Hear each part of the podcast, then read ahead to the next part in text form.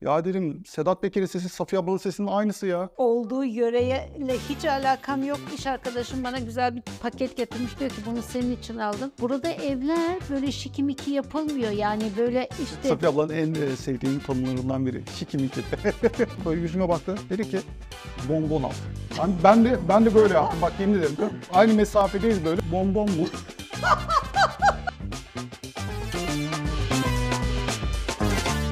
Tekrar merhaba. selam Serkan ne haber? İyilik senden ne haber? Ben deyim sağ olasın. Yine bir artı 49 masasında karşı karşıyayız. Önümüzde Türk çayı var. İnce belli bardakla devam ediyoruz bugün. Aynen aynen. Afiyet olsun.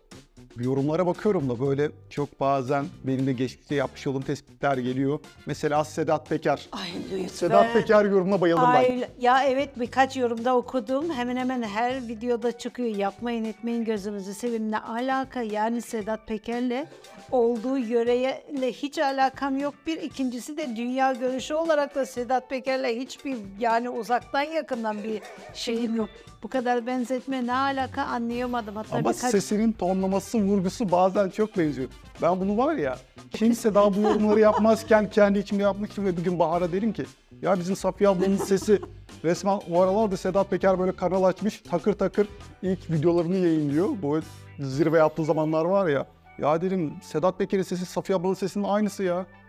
Dedim daha geçen hafta Safiye ablaylaydım. Aynı tonlamaları yaptı. Yani yani nereden uyduruyorsanız bilmiyorum ama hiç ben kendimde öyle bir şey görmüyorum. Bazen konuşurken her zaman yapmıyorsun ama mesela şu örnek vermeye çalışacağım. Taklit Tamam. özelliğim çok kötüdür ama bir gün buradayken diye bir o e, eli uzatıyorsun. Sedat Peker ya vallahi bakın açın izleyin. Ee, aynı tespitte olanlar da varsa yorumlara da yazsınlar ama git gerçekten Allah çok aşkına benzer ya. yok ya. Şu an yok. Bakın şimdi bu videoda kaçacak yapmayacak ama normalde Çok yapıyorsun. dikkat edeceğim. Hayır yani şey olsa e, yörelerimiz falan birbirine yakın olsa dersin yani o yörede böyle konuşuluyor ama e, hiç Evet alakası benim bildiğim yok. Sedat Peker Adapazarlı olsa gerek Evet, evet, Karadenizli, Karadenizli. bir Ben aileden Karadenizli geliyor. değilim. Ya ne alaka ya? Ben Tamam buradan e, kameralara Safiye ablamın Sedat Peker'le bir akrabalığının olmadığını ya da aynı köyden, aynı yöreden olmadıklarını e, ifade etmiş oldu. Daha neler ya? Bugün de o zaman konumuzu açıklayalım hızlı bir şekilde. Bu sefer Almanların takıntılı olduğu şeyleri konuşacağız. Almanların takıntılı olduğu şeyleri gerçekten Almanya'da yaşayanların bence ayırt edebildiği, anlayabildiği bir şey olur. Uzaktan bakınca ben mesela Türkiye'deyken bunların hiçbirini bilmiyordum. Ama buradaki birkaç yıllık yaşam deneyimi bana bunları öğretti. Çok fazla Hatta birkaç yıl sonra yani bir şöyle 3-5 sene sonra bir 10 yıl sonra senin için de bunlar çok normal olacak Serkan'cığım. olmaya da başladı.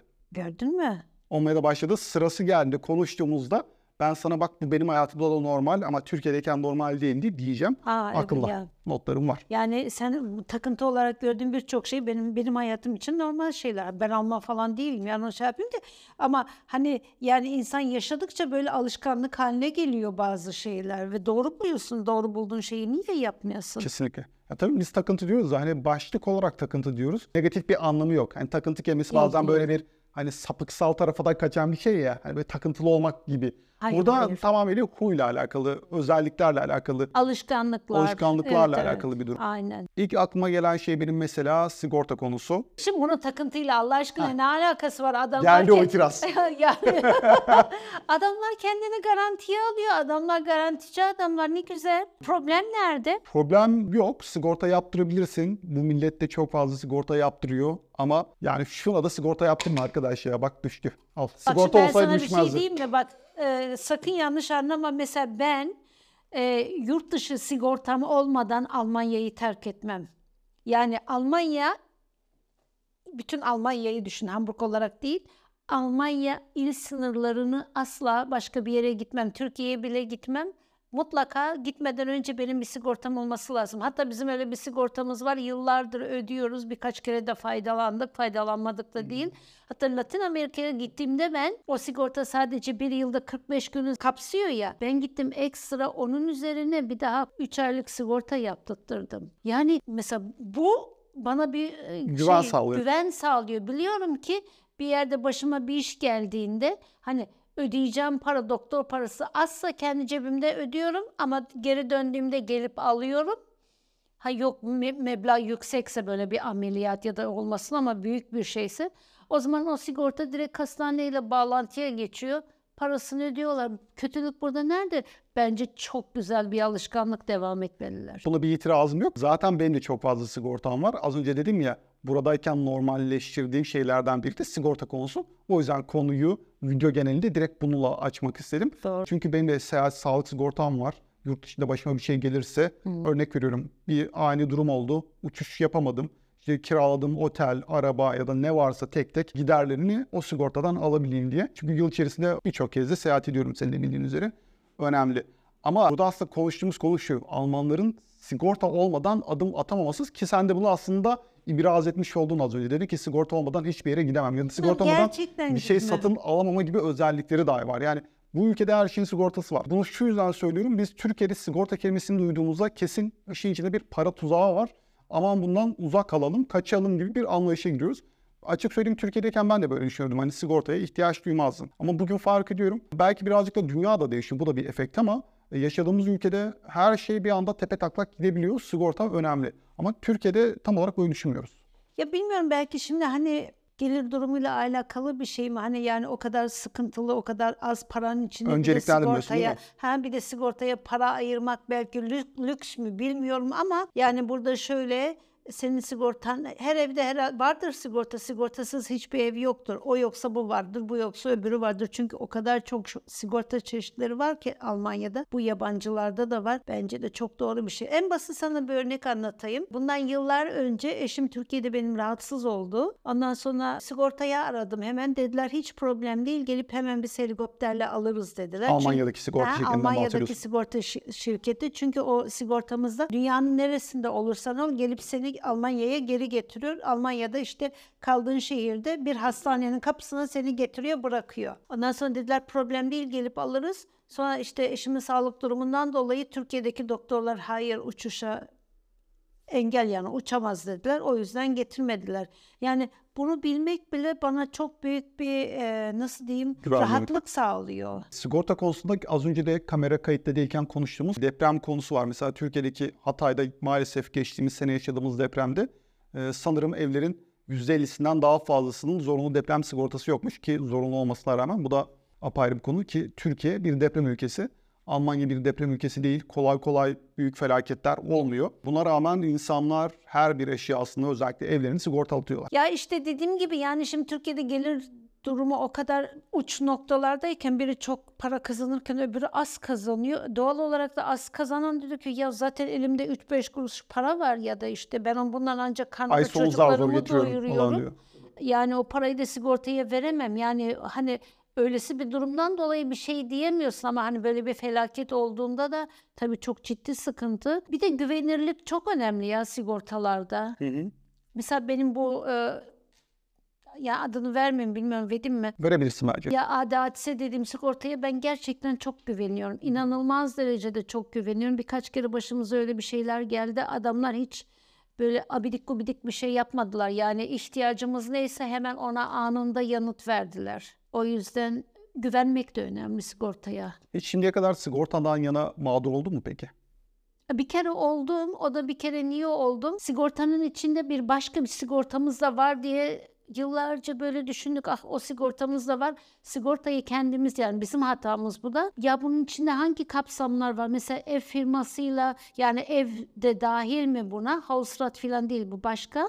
Ondan sonra ev firmasıyla böyle ev firmasını mahkemeye vermeye kalktık. Verwaltung'u daha döne- doğrusu e, Yönetimi. yönetimi ha. Onları mahkemeye vermeye kalktık. Avukatı aradım. Avukat bir iki kere sigortaya yazdı. Ondan sonra karşılığını alamayınca avukat bana e, şey gönderdi, fatura gönderdi. İşte sigortanız e, kabul etmiyor. Lütfen şu faturayı siz ödeyin deyin.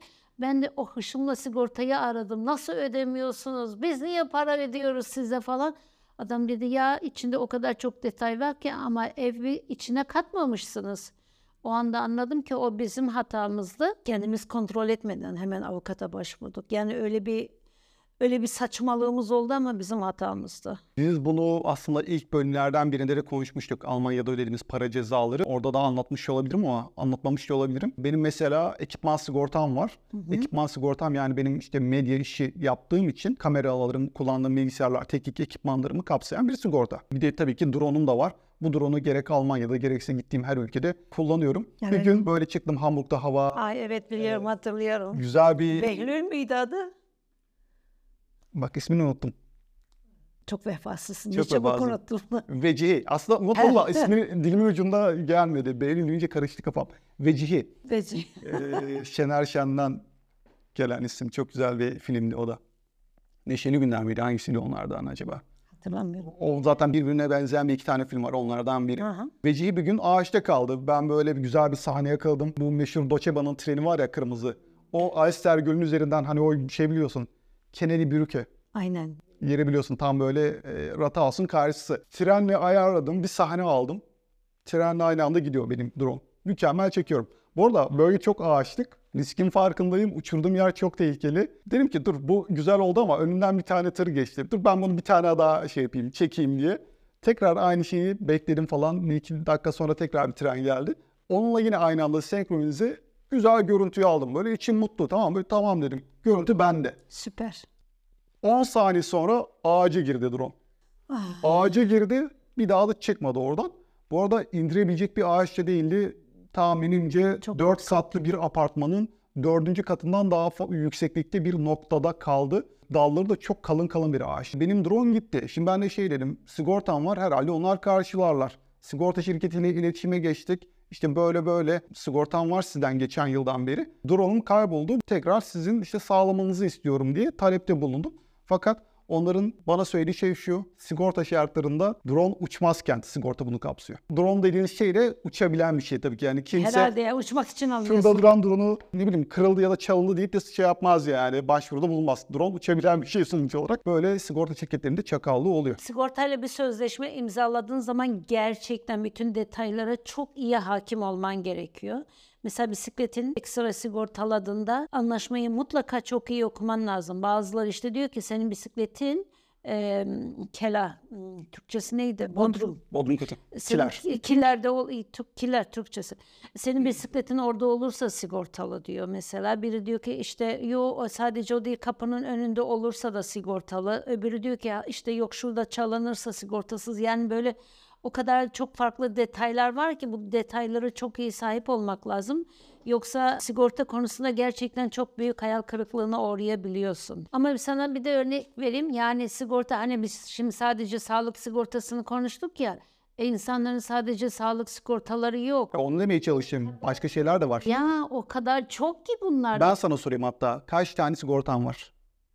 Yani biz sadece düşün çocuklar küçükken bile ekstra onlar işte komşunun camını kırarsa şu olursa bu olursa zıkkımın dibi olursa o kadar çok sigorta yaptırdık ki bizim evde şu an hepsi aklımda yok ama en az 6-7 değişik sigorta var. Şu an faal olarak. Hı, paylı olarak. Bir de araba tabii ki etti sana 8. Şu an güncel rakamdan emin değilim çünkü bir iptal etme ve yenileme durumu olan bir sigorta vardı. Şu an benim aktif olarak 3 ya da 4 sigortam var. Ya.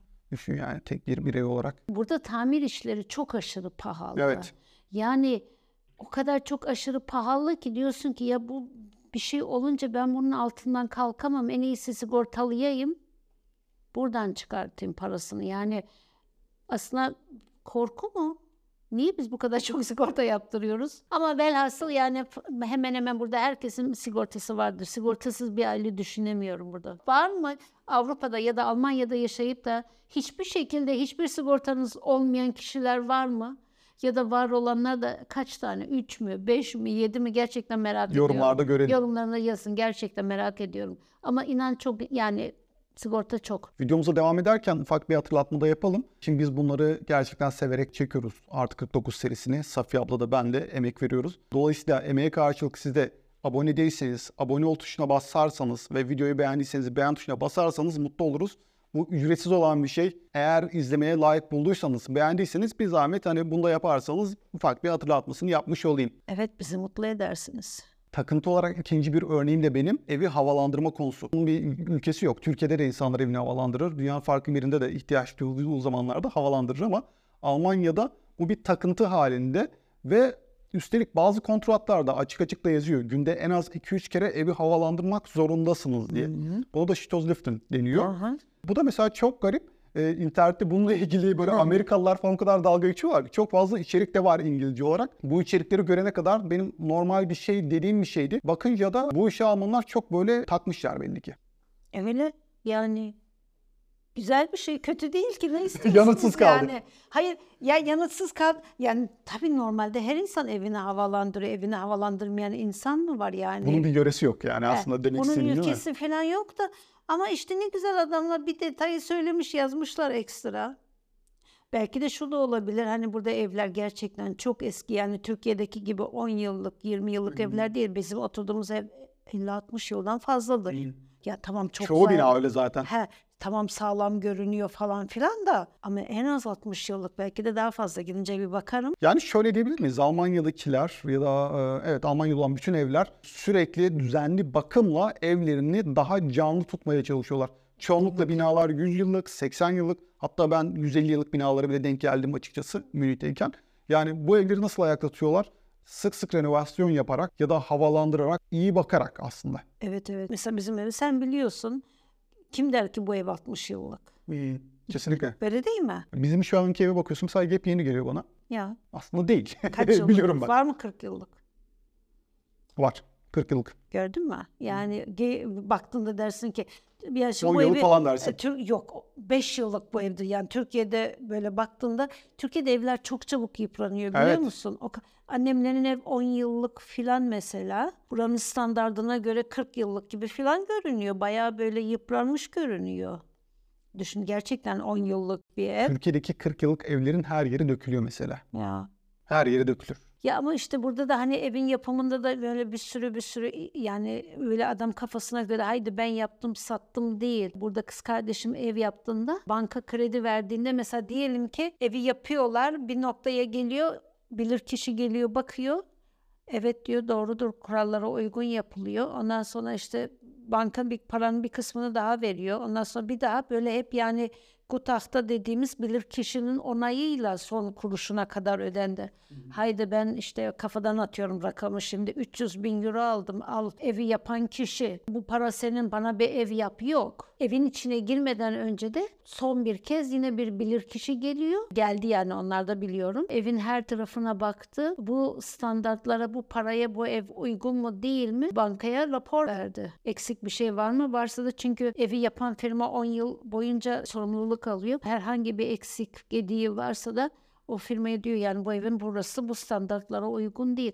O yüzden gerçekten dikkat ediyorlar ev yapımına. İnşaat işinde çok iyiler yani bu Ya. kalite kontrol işinin gerçekten insan hayatını kurtarmada ya da güven noktasına oturtmadaki en önemli bence örneği evdir. Maalesef Türkiye'de dünyanın parasını da bassan böyle altın varaklı evlerde de otursan o ev dökülebiliyor, onu yıkılabiliyor, onu gördük. Ya şey hani demirden çaldım, çimentodan çaldım, yok deniz kumu falan öyle bir şey yok. Yani standarda neyse bunlar kullanılıyor. Burada evler böyle şikimiki yapılmıyor. Yani böyle işte Safiye ablanın en e, sevdiğim tanımlarından biri. Şikimiki. ya ona ne diyeceğimi gerçekten Şatafatlı bilemiyorum. diyelim. Ha şatafa, ha şatafatlı. Buradaki evler gerçekten dışarıdan falan baktığında içine de girdiğinde hiçbir şatafatı yok. çok sıradan. Çok sıradan, çok basit Sade. ama sağlam. Doğru. Türkiye'deki evlere giriyorsun böyle yapıyorsun. Wow diyorum ben böyle yani. Çok zengin olmalılar diyorsun. Böyle evet aklım gidiyor. Bu nasıl böyle bir gösteriş falan. Ama birkaç yıl sonra gidiyorsun o gösteriş yavaş yavaş böyle Çöküyor. patır patır dökülüyor diyorsun ki he? Buna mı bu kadar para verildi? O yüzden arada korkunç fark var. Yani bunlar sade ama çok sağlam yapılıyor. Türkiye'dekiler de çok böyle neydi şatafatlı ama maalesef hani kıyasladığım zaman buradaki gibi sağlam yapılmıyor Türkiye'deki evler. O yüzden de demek ki evi sık sık havalandırmak önemli. Tabii havalandırmadan Türkiye'dekiler de havalandırıyor, havalandırmıyor demiyoruz ama burada bir altın kural yani altın kural olarak kabul edelim. Bir başka konuşmamız gereken konu da çay mevzusu. Ama bu çay değil, Karadeniz çayından bahsetmiyoruz. Almanya'da her şeyin ilacı çay. Evet. İnsanlar hasta olduklarında ilk etapta ilaç almaya ya da antibiyotik almaya hele hele o zaten çok üst level bir şey başvurmuyorlar. İlk etapta bitkisel çaylarla çözüm üretmeye çalışıyorlar. Mesela ben kendimden örnek vereyim. Ee, ben işim gereği çok grip oluyorum. Gerçekten kışın çok grip olurum. E, insan hasta olunca da ne yapar? Ev doktoruna gidersin yani. Ben ev doktoruna gidiyorum. Aramızda en az bir, bir, bir buçuk metre var. Kadın işte sizin için ne yapabilirim diyorum. Anlatıyorum. Şuram ağrıyor, buram ağrıyor, şu ölüyorum falan filan. Böyle yapıyor. Evet, hı, anlıyorum sizi. Gidin bol bol sıcak çay için ve yatın. Diyorum ilaç falan vermeyecek misiniz? Yok hayır. Bu hafta işe gitmiyorsunuz, yatıp dinleniyorsunuz ve bol bol çay iç- içeceksiniz diyor. Bu benim ilacım oluyor. Sonra diyorum ki e ben bu çayı zaten içebilirdim. Hani bu kadın bana niye ilaç vermedi? Kadın diyor ki ama gribin ilacı yok ki. Çok başın ağrıyorsa diyor bir ağrı kesici al ama gribin ilacı yok. Dinleneceksin. Bol bol sıvı alacaksın. Sıcak güzel çayını iç diyor. Güzel vitaminli çaylar iç ve yat. İlacı bu. Ya biz şimdi tabii ki İlaç. Evet, e, Türkiye'de mesela ada çayının, ıhlamurun, bu tarz çayların sağlığa çok faydalı olduğunu biliyoruz. Ama burada direkt bu isimlerle adlandırılıyor. Mesela magıntı dediğimiz şey e, ya da işte şılafte. Yani bunun gibi işte uyumaya yönelik ilaç ya da işte böbreğe yönelik ilaç, e, ilaç diyorum çay. E, bu gibi spesifik iyi İsimleri geldiği var. noktalara göre çaylar satılıyor marketlerde. Bunu şeylerde de buluyorsun zaten bu tarz böyle hem eczanelerde hem de Rozman gibi yerlerde de Evet, e, evet. bu isimlerle satılıyor. Yani ö, çay reyonlarına bak en az 40-50 belki Çok de daha fazla. fa- 50'den daha fazla çay çeşitleri vardır. Mesela iş yerinde sen, sen çok stresliysen işte böyle vah kendimi iyi hissetmiyorum Relaxing çok tea." stresliyim falan. Hemen bir bakıyorum iş arkadaşım bana güzel bir paket getirmiş diyor ki bunu senin için aldım. Ben diyorum ki acaba bana ne almış? Papatya. Ne alaka? Şey e, kadınlar için mesela özellikle üstünde kadınlar için sakinleştirici çay. Evet. Yok yoga çayı. Yoga çayı. Ha yok. yani düşünmesi bile tabii çok güzel bir şey de ama her derdin devası önce çay. Çaya benzer bir başka şeyden de bahsedeceğim. İlk Almanya'ya taşındığımda hasta olmuştum. O gün çalışacak durumda değildim. Liferando'da çalışıyorum. Hı. En yakın bulduğum bir hastaneye gittim. Rapor almak istiyorum. Sıradan bir yerde klinik buldum Google haritalardan. Merkezi bir yerdeyim. Okey. Onun kapısını çaldım. Gittim işte. Derdimi anlattım. Böyle böyle çok öksürüyorum. Boğazım ağrıyor. e, titreme var üzerimde falan diye böyle şikayetlerimi bildirdim. Antibiyotik şu bu ilaç vereceğini bekliyorum. Böyle yüzüme baktı. Dedi ki bonbon al. Ben, ben de ben de böyle yaptım. Bak yemin ederim. Aynı mesafedeyiz böyle. O mas, masada şey ya sen burada oturursun ya Ha. ziyaretçi olarak. Ben böyle bak bonbon mu? Kadın kahkaha atmaya başladı. O kahkaha atınca ben kahkaha atmaya başladım. Sonra çıkardı bir de var ya bak yemin ederim reçete yazarsın ya. Ben kadın gerçekten reçeteye bir şeyler yazacağını bekledim. Bir tane böyle kırışık beyaz apo, şey var ya postil kağıtları. Onun üzerine böyle bonbon yazdı verdi bana. Bunu eczanelerden de alabilirsin, marketlerden de alabilirsin dedi. Dedim tamam ben biliyorum onun olduğunu da. Alman e, sağlık sistemiyle ilk tanıştığım ve yüzme tokat vurduğu andı. Ya gerçekten yani Almanya'da siz hasta olunca doktora gidince böyle ilk önce hemen size antibiyotiktir şudur budur vermiyorlar. Sonraki aşamada ilk önce diyor ki işte çayını iç, sıvını tüket, yat. Onun için sana eğer gripsen bir hafta işe gitme diyor, evinde yat diyor. Yani ben diyor sen, sana hasta olduğuna dair kağıt veriyorum. Onu da işverene gönderiyorsun. Ben hastayım evimde yatıyorum. Yani diyor iyileşmezsen diyor ikinci aşamada gel. Zaten sen bir hafta boyunca izinlisin.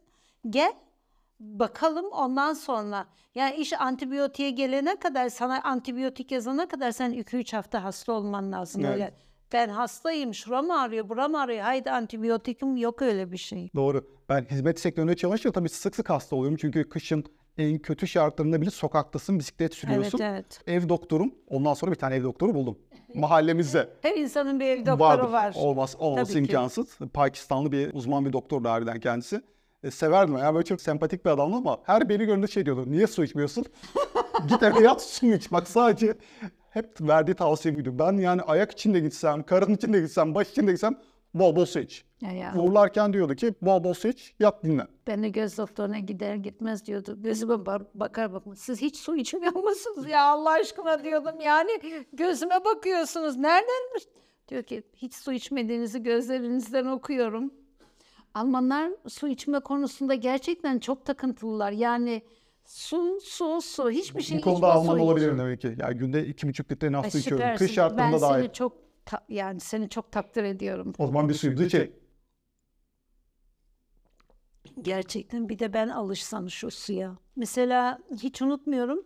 e, çocuklar küçük. e, Türkiye'ye gideceğim. Uzun süredir Türkiye'de kalacaktım. Yani uzun süre dedim 5-6 hafta falan Türkiye'de kalacaktım. O zaman izinliydim. Dedim ya uzun süre Türkiye'de kalacağım. Şey yapayım yani hani çocukların ilaçlarını alayım. Hasta falan olduklarında en azından şey olur. ila- evde ilaç hazır olur.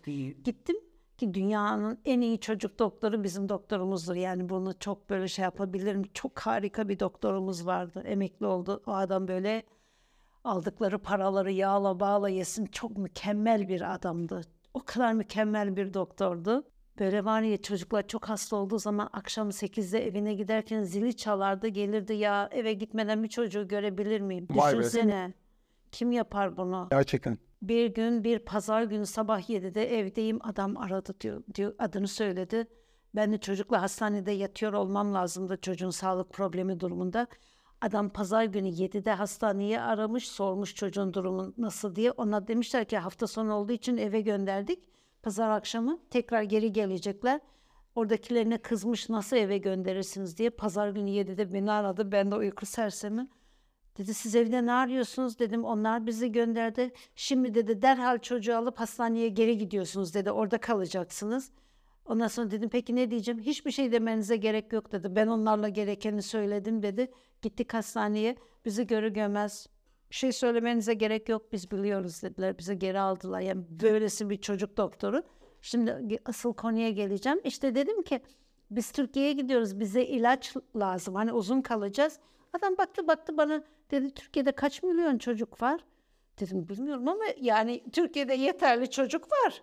E dedi bu çocuklar hasta olunca ne yapıyorlar? E dedim doktora gidiyorlar. Sonra doktor ne yapıyor dedi. Dedim gerek görürse ilaç yazıyor. Heh dedi sizin çocuklarınız şimdi hasta değil. Hasta olurlarsa Türkiye'de siz de doktora gidersiniz. O zaman ilaçlarınızı alırsınız. Hasta olmayan çocuğa ben niye ilaç vereyim? Böylesine bir çocuk doktorumuz oldu bizim. Ya iyi doktora denk gelmek gerçekten şans işi ya. Öyle kolay değil. Yani iyi doktordan kastım yanlış anlaşılmasın. Her doktor iyidir, kendi geliştirmiştir falan ama bazen denk geliyor o doktor seninle ilgilenmiyor. Sen de dolayısıyla doktorlardan ümidini kesiyorsun açıkçası. Hep doktorlar sürekli sana aynı şeyi öneriyor. Seni bazen dinlemiyor. Açıkçası ben de yakın zamanda bir e, şikayet için doktora gittim. Ben daha derdimi anlatmadan, şikayetimi anlatmadan bu var mı, bu var mı? Ha, o zaman sende bu var falan demeye getirdi. Mesela bir doktorun hastasını yeterince dinleyip ona zaman ayırması gerekiyor ya. Onu bazen bulamayabiliyoruz o yüzden şanslısın. Yo ben bu konuda üç tane doktor konusunda çok şanslıyım. İkisi emekliye gitti. Yemin ederim arkalarında ağladım böyle nasıl emekli Senin hayatına dokunmuş insanların bir kısmının da emekliye gittiğini böyle de anlamış oluyoruz. Evet, Geçen evet. seferki kredi veren bankacı gibi. Evet evet dok yani çocuk doktorumuz da emekli oldu. Bir de bir Yunan bir tane Yunan kulak doktoru vardı. Adamın emekliye gittiğini duyunca var ya hüngür hüngür ağladım. Nasıl dedim ya nasıl dediler yani bırakın da gitsin emekliye hani. O adama da yani yaşıyorsa var ya böyle öyle bir mutlu yaşasın ki bizim çocuk doktoru gibi. Güzel. Bizim hayatımıza böyle çok artı değerleri olan insanlar. Bir de halen bir tane ortopedi doktoru var. e, Türk Altona'da halen praksisi var. Ona da çok minnettarım. Ne harika. Gerçekten çok minnettarım. Her şeyimiz doktorlara emanet tabii. Yani Ya ya. onlar olmadan olmuyor. Gerçekten ona da çok çok minnettarım. Ortopedi doktoru. Yani uf hayatımı kurtardı. Yere basamıyordum ya. Geçmiş olsun. Nereden nereye geldik? Evet. O zaman Bizde çene bol ya. işte valla bazen böyle şey var ya bir YouTube ya da Google yaşanmışlığı var diyeyim. Arif'in Manchester attığı gole kadar geldi. Ha, Bizimki o olabiliyor bazen ama bu gerçekten karma karışık muhabbet. Yani amacımız bir düzen içerisinde gitmek değil. Tabii ki konu başlığımız belli. Verdiğimiz örnekler bununla alakalı.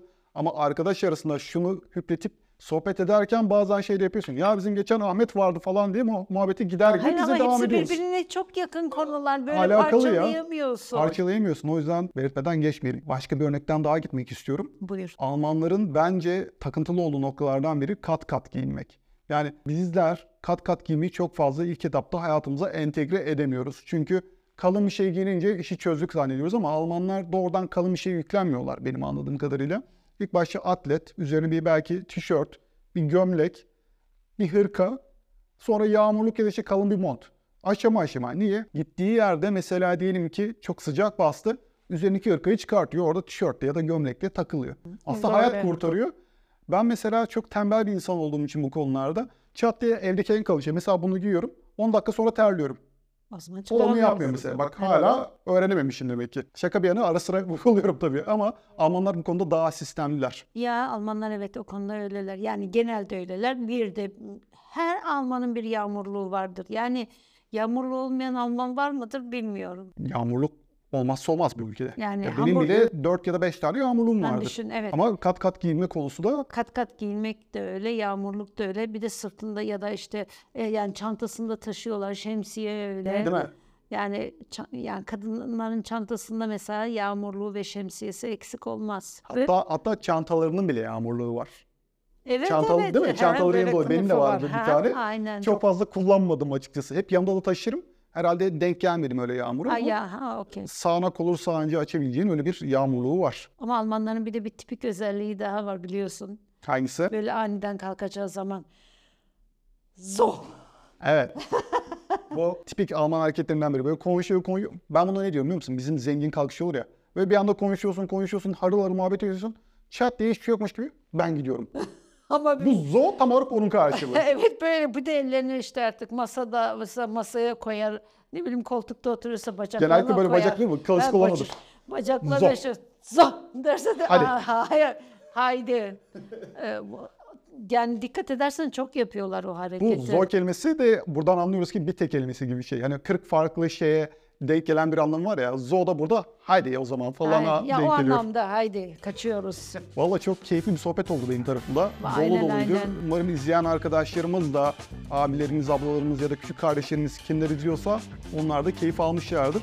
Aynen ümit ederim beğendiniz. Düzenli takip etmek için abone olmayı ve videoyu beğenmeyi unutmayın. Bizler her hafta Perşembe günü yaklaşık olarak bu saatlerde çayımız ve kahvemizi buradayız. Siz de çayınızı kahvenizi kapıp gelirseniz mutlu oluruz. Fikirlerinizi yorumlara bekliyoruz bu arada. Aynen kendinize çok çok iyi bakın. Görüşmek üzere. Hoşçakalın. Haydi bye.